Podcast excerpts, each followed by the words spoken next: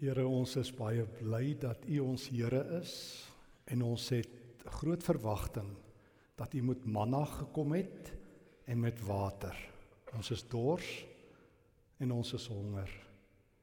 En Here, die kos wat ons eet, hou ons nie lank genoeg nie en die water wat ons drink hier op aarde maak nie dat ons dors weggaan nie. Maar wanneer ons by U water kry, lewende water en by U brood kry, lewende brood, dan leef ons. Deel dit ruim, deel dit met my want ek is honger en dors. En ek vra dit in U naam, die naam van Jesus. Amen. In 2012 is daar in uh, Brittanje so 'n klein opname gemaak oor watter van die bekende mense, die sogenaamde celebrities, het die beste grafopskrif. Die ouens wat nou al reeds dood is uit die hart van die saak.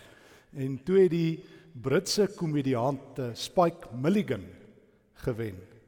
Sy grafopskrif is I told you I was ill. En ehm um, die bekende Oscar Wilde het uh, op sy grafopskrif is die woorde either the curtains go or I go. En toe het ons nou gesien wie het gegaan. En uh, Frank Sinatra het gesê the best is yet to come.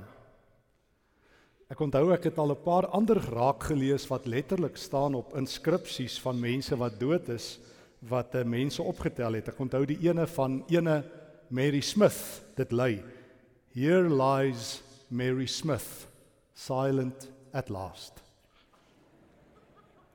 Of uh, een wat iemand opgesit het oor 'n ateïs vriend van hom. Here lies an atheist all dressed up and nowhere to go. En een ou wat uh, hierdie volgende opskrif oor sy by sy vrou se um, grafsteen opgesit het. Here lies my wife. Here let her lie. Now she's at rest, so am I. Feit is. Ehm um, erns moet moet 'n mens tog seker net op 'n dag aan so iets dink soos hoe wil jy jou lewe um in herinnering bring. Jy wil tog nie net sekerlik net 'n geboortedatum en 'n sterfdatum hê nie, want almal kry dit reg. Dis tog wat daar tussenin gebeur wat min mense reg kry. Wat 'n mens lewe noem. Maar miskien is daar nog 'n groter vraag. Wat sal God skryf as hy die inskripsie skrywe? En dis nie net 'n hipotetiese vraag nie, want ons gaan nou begin by by Lukas hoofstuk 12 waar God alreeds 'n inskripsie geskryf het vir iemand se graf. Ek wil jou nooi om saam met my stil te staan by ons eerste teks vandag by Lukas 12 vanaf vers 13. Ons Here Jesus is besig met 'n groot lering en dan kom twee ouens na hom toe. En hulle wil hy met goue testament uitsorteer. Kom ons lees. Iemand uit die menigte sê toe vir Jesus: "Meneer, En wel ek dink hy het vir hom rabbi gesê. Meneer is Afrikaans, uh, in die Grieks ook, die daskale, rabbi. Uh, meneer sê vir my broer, hy moet die erfenis met my deel. Maar hy antwoord hom: "Man, wie het my as 'n regter of 'n deler vir julle aangestel?" Toe sê hy: "Pas op en wees op julle hoede vir elke vorm van gierigheid. Want 'n mens se lewe is nie afhanklik van die oorvloed van sy besittings nie."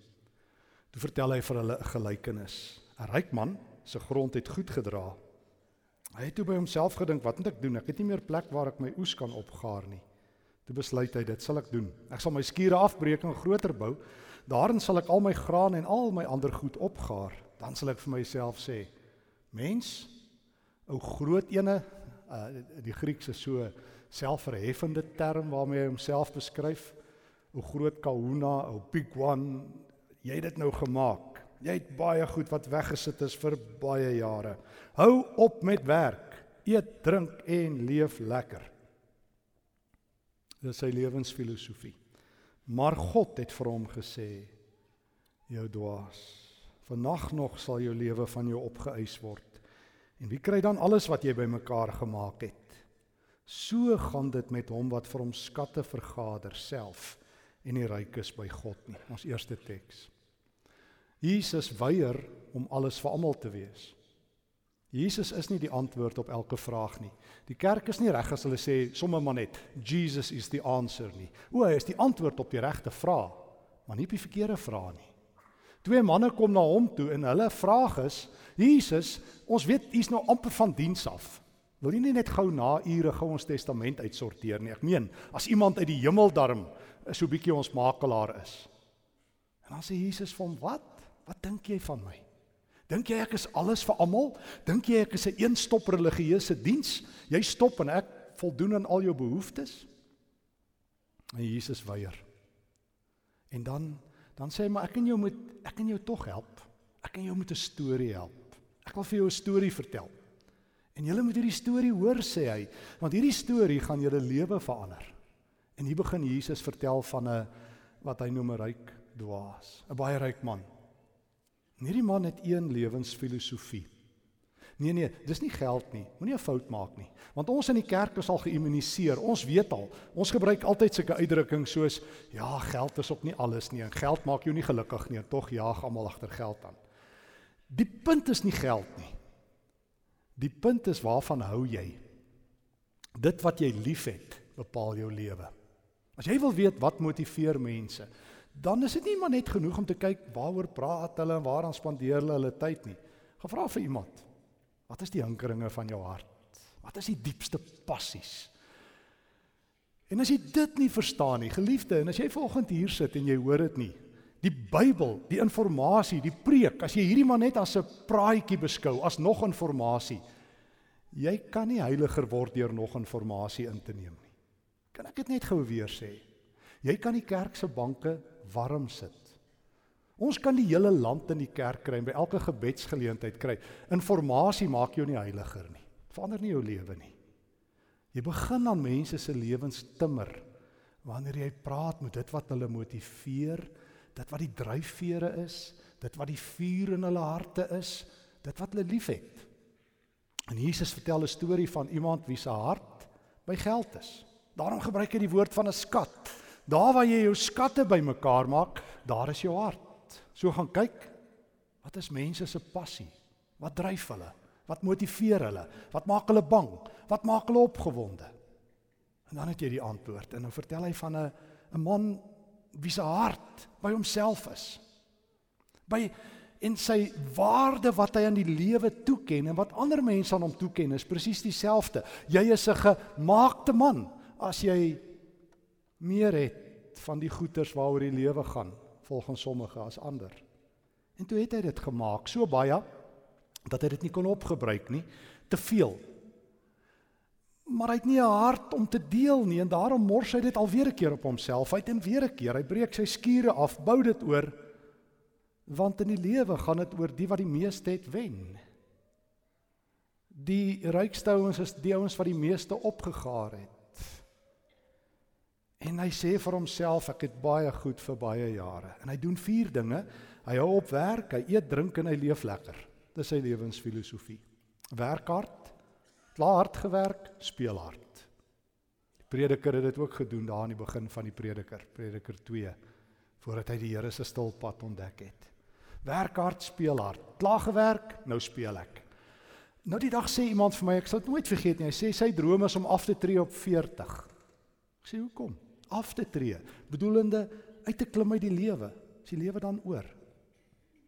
Wel hierdie ou dit gemaak. Vandag. Maar hoor mooi hoe vertel Jesus die storie. Hy sê aan die einde van elke vandag is daar 'n vannag. Jy kan maak wat jy wil. Jy kan vandag leef soos jy wil. Vanaand kom. Die donker kom. En God daag op met 'n grafopskrif.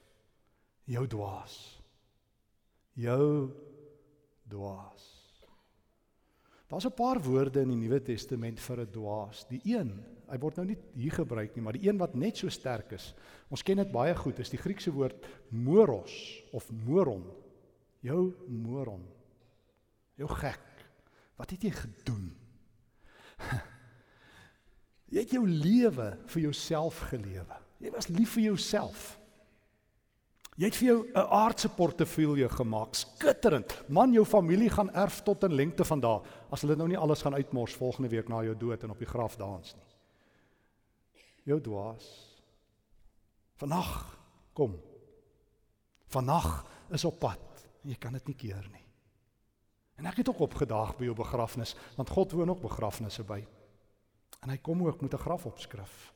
O, ons kan 'n bietjie lag oor Spike Milligan en die ander, maar dit is ernstige sake wanneer die lewende God opdaag en sê jou dwaas, jy het verkeerd bemin. Jy het verkeerd jou hart uitgestort. Jy het jou hart gegee vir die verkeerde, vir jouself en jou lewe gemeet in die volheid daarvan in jou eet, drink, leef lekker. Die die waardesisteem wat blindelings skroomteloos in ons dag verkoop word en waarna toe Christene ook hinker.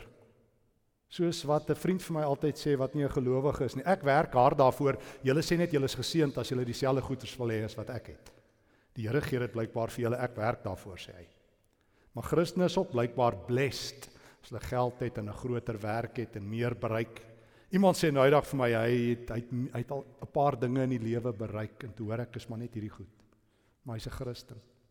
Jou dwaas. Vanag nog is dit verby. En weet jy wat?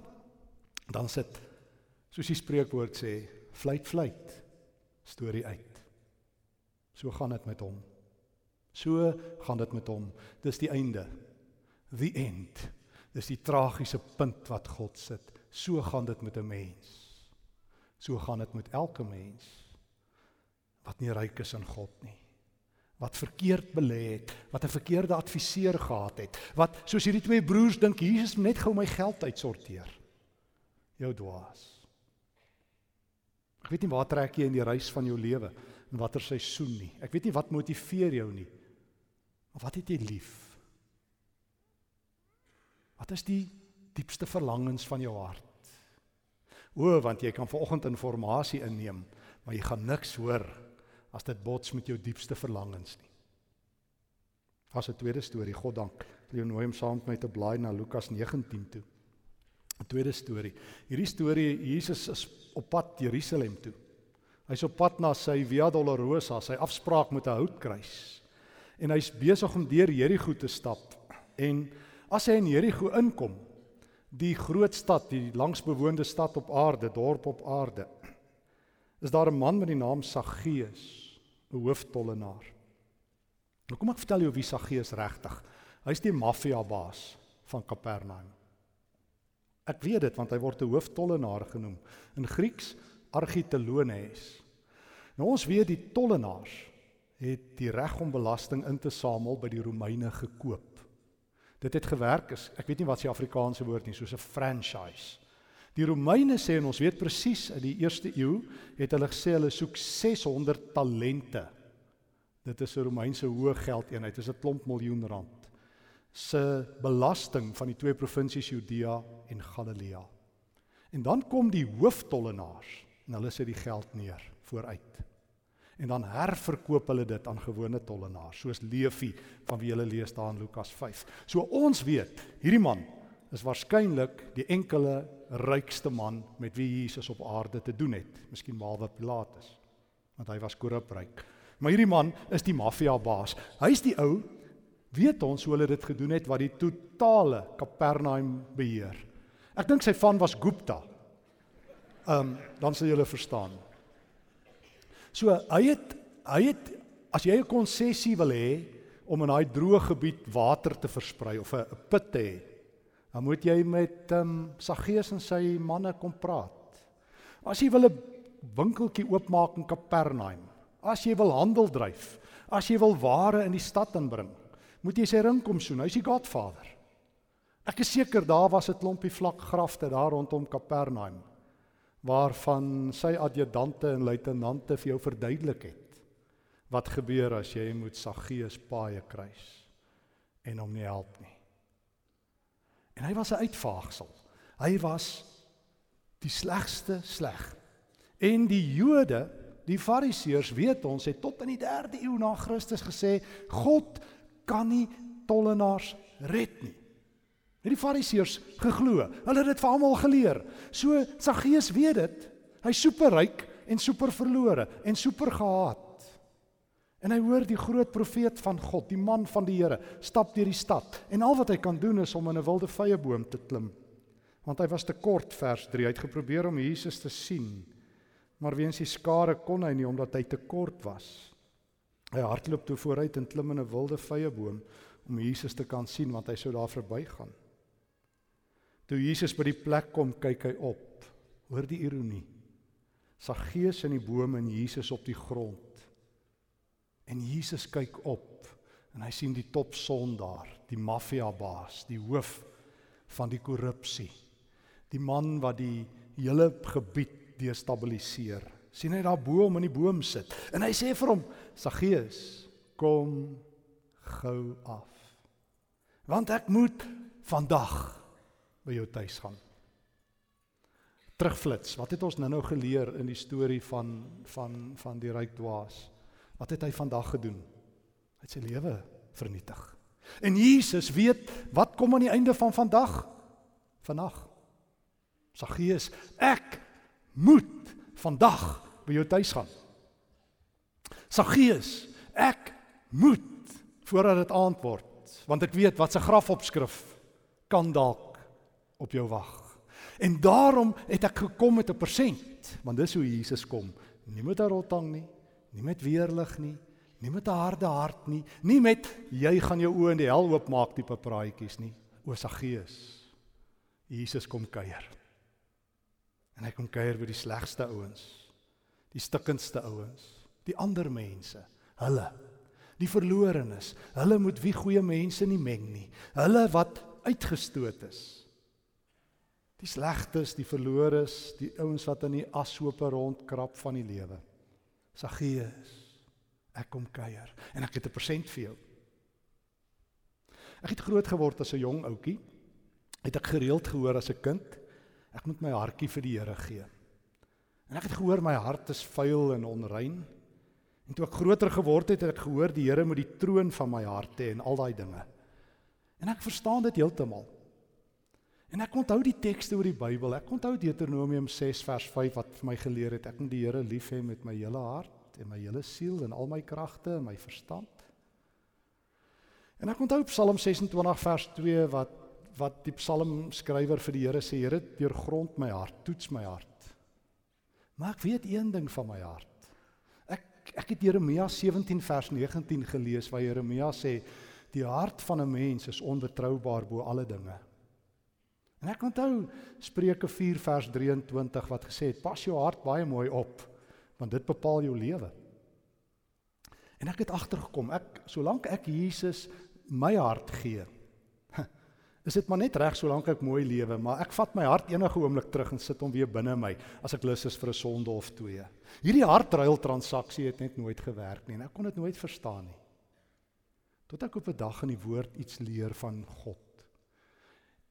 En en en ek sê dit nou eendag vir ouens, nou ou sê hy dit nog nooit gehoor nie en ek dink myself, hoe is dit moontlik? Ek onthou God het beloof en ek wil net sommer een teks, daar's ten minste 5 in die Ou Testament, maar God het beloof in Jesegiel 36 vers 26 Ek sal vir julle 'n nuwe hart gee. En dit sal 'n hart wees van vleis. En ek wil vir julle 'n nuwe gees gee.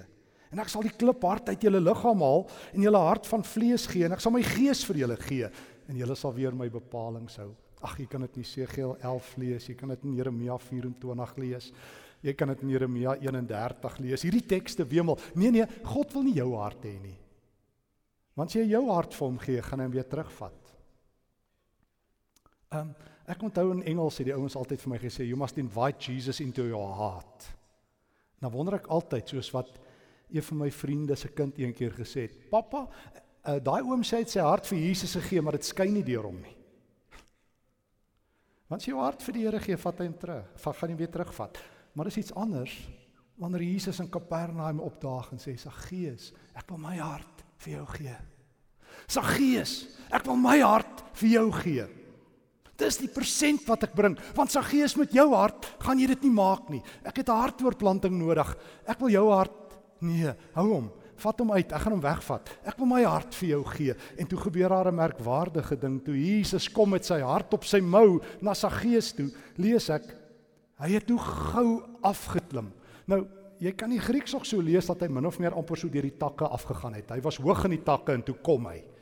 Soos ek altyd sê, die beste verste val ooit in die koninkryk. Jy wil graag so uit die boom uitval. Groot mense moenie eintlik in bome klim nie. Ons is nie goed daarmee nie. Eintlik kinders ook nie, maar maar Saggeus, toe hy uit daai boom uitkom, toe val hy met een oomblik in God se arms in en hartoortplanting vind plaas. Vandag het dit gebeur.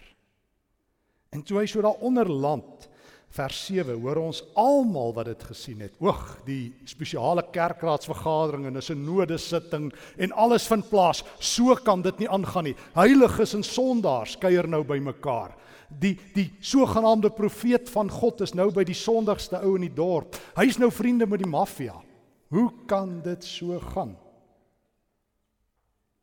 Almal wat dit gesien het, het beswaar gemaak, almal. O, die kerk is daarom goed met sonde raak sien, nie waar nie? Soos ek altyd in Engels sê, we are better at sin spotting than at God spotting. Ons kan altyd sien wat's verkeerd, maar Jesus sien wat's reg. Hy gaan by 'n sondige man tuis, maar sy gees het opgestaan uit sy val uit, stof afgeskit. En hoor wat sê hy vers 8. Here, hoor hoe praat hy met Jesus? Here, vandag het iets gebeur in my lewe. Ek gaan die helfte van my goed vir die armes gee. En waar ek iets van iemand afgepers het, gee ek dit 4 dubbel terug. Hoe hy het geweet dis wat die Fariseërs gesê het. Fariseërs het gesê as as as 'n tollenaar steel, moet jy dit viervoudig teruggee. Niemand kan nie. Dis die rente, 4 maal die bedrag. Saggeus sê ek gaan dit doen.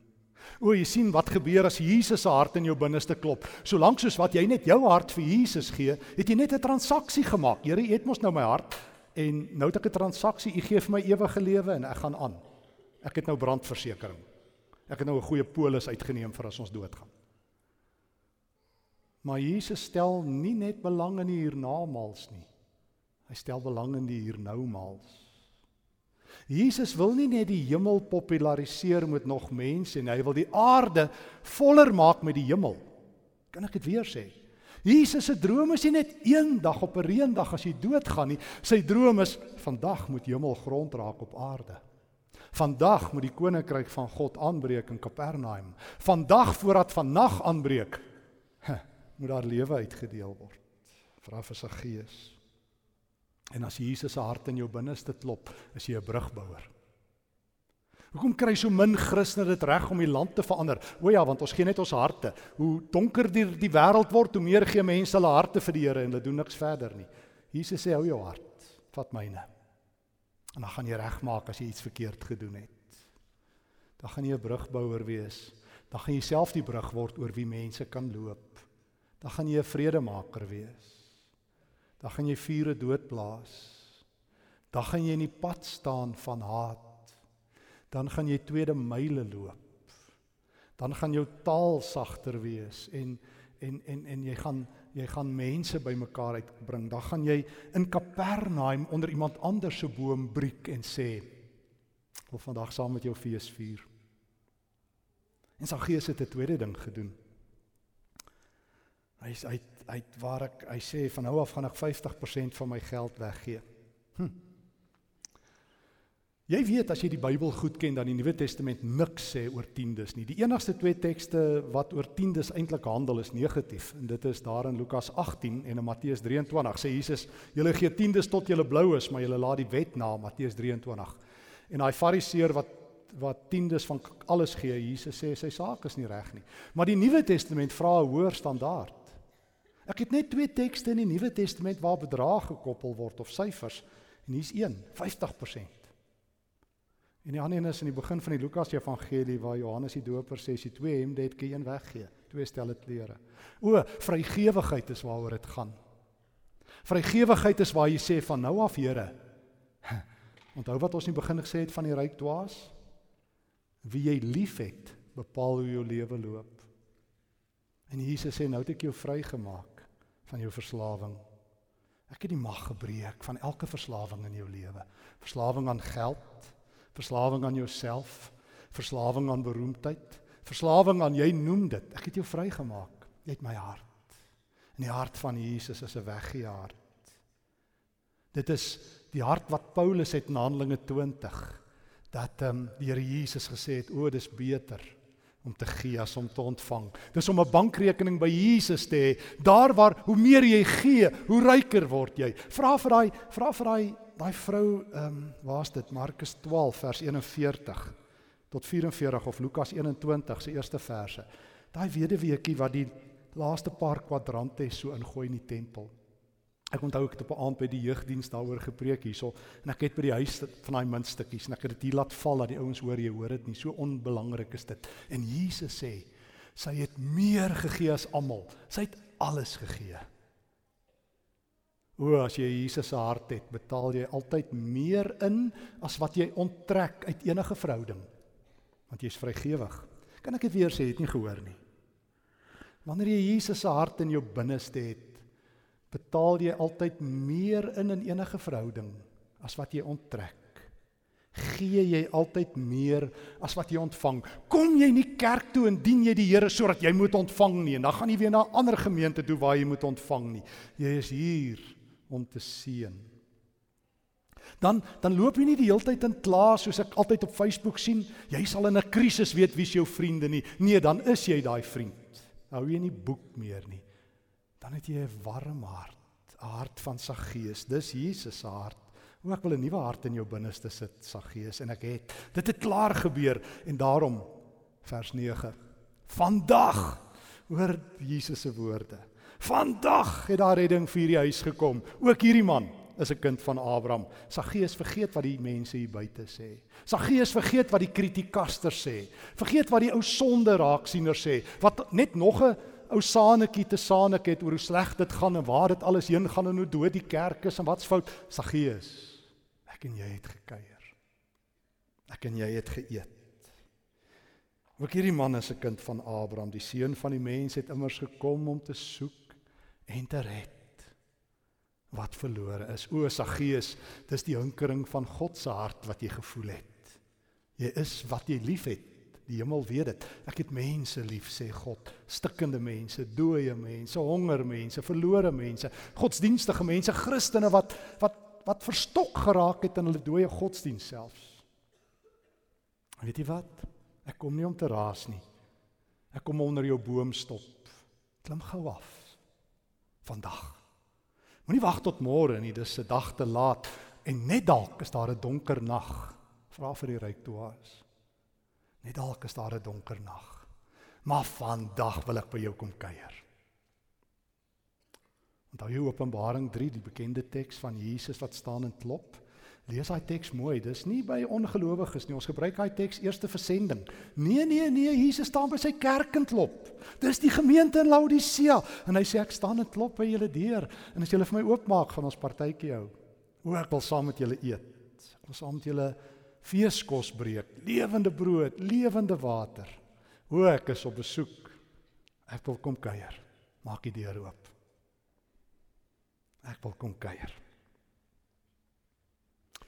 In 2012 het die ouens grapperig gevra nou, wat 'n soort grafopskrifte trek die wêreld se aandag? Nou die vraag. Wat sou jy eendag op jou graf inskrif wou hê? 'n Vriend van my het gesê As sy vrou voor hom doodgaan, gaan hy haar as by een van die winkelsentrums strooi met 'n opskrif daarso. Hier was hy op haar gelukkigste. Ek onthou daar in die in die die St Paul's Cathedral in Londen, uh, Christopher Wren wat die wat die argitek was, dalk was van julle al daar. Hy's daar begrawe in die kerk en in Latyn is daar 'n opskrif bokant sy graf. As jy 'n monument vir Christopher Wren wil sien, kyk rondom jou. Ons gaan niks verder sê nie. Kyk rondom jou. Jou nalatenskap is wat jy nou doen. Is wanneer jy elke dag elke dag saam met Jesus maaltyd hou en elke dag as jy iets kan regmaak met mense of mense kan help om dit te doen en elke dag onder iemand se boom te gaan staan en sê die Here wil saam met jou kuier. O, is om elke dag jou kant te bring. Een opskrif wat ek nie bo my graf ooit wil hê nie. Is die woorde hier lê 'n dreigement. Hy wou nog vir die Here lewe en toe sy voortydig dood. Wat ek dink by baie mense se lewe gaan wees. Moenie 'n dreigement wees nie. Dit wat jy liefhet, bepaal waaroor jy praat. Die hinkeringe van jou hart wys waantoe jy op pad is. Moenie dat God eendag by jou lewe kom staan en sê: "Jou dwaas." Moenie dat vandag jou so tref nie. Maar kyk mooi, onder jou lewensboom staan Jesus en hy sê: "Klim gou-gou af, ek wil vandag saam met jou eet." Dis afklimtyd. Dis feesviertyd. Amen. En as geleentheid vir stil gebed om net weer die Here opnuut te nooi om saam met jou te kom kuier.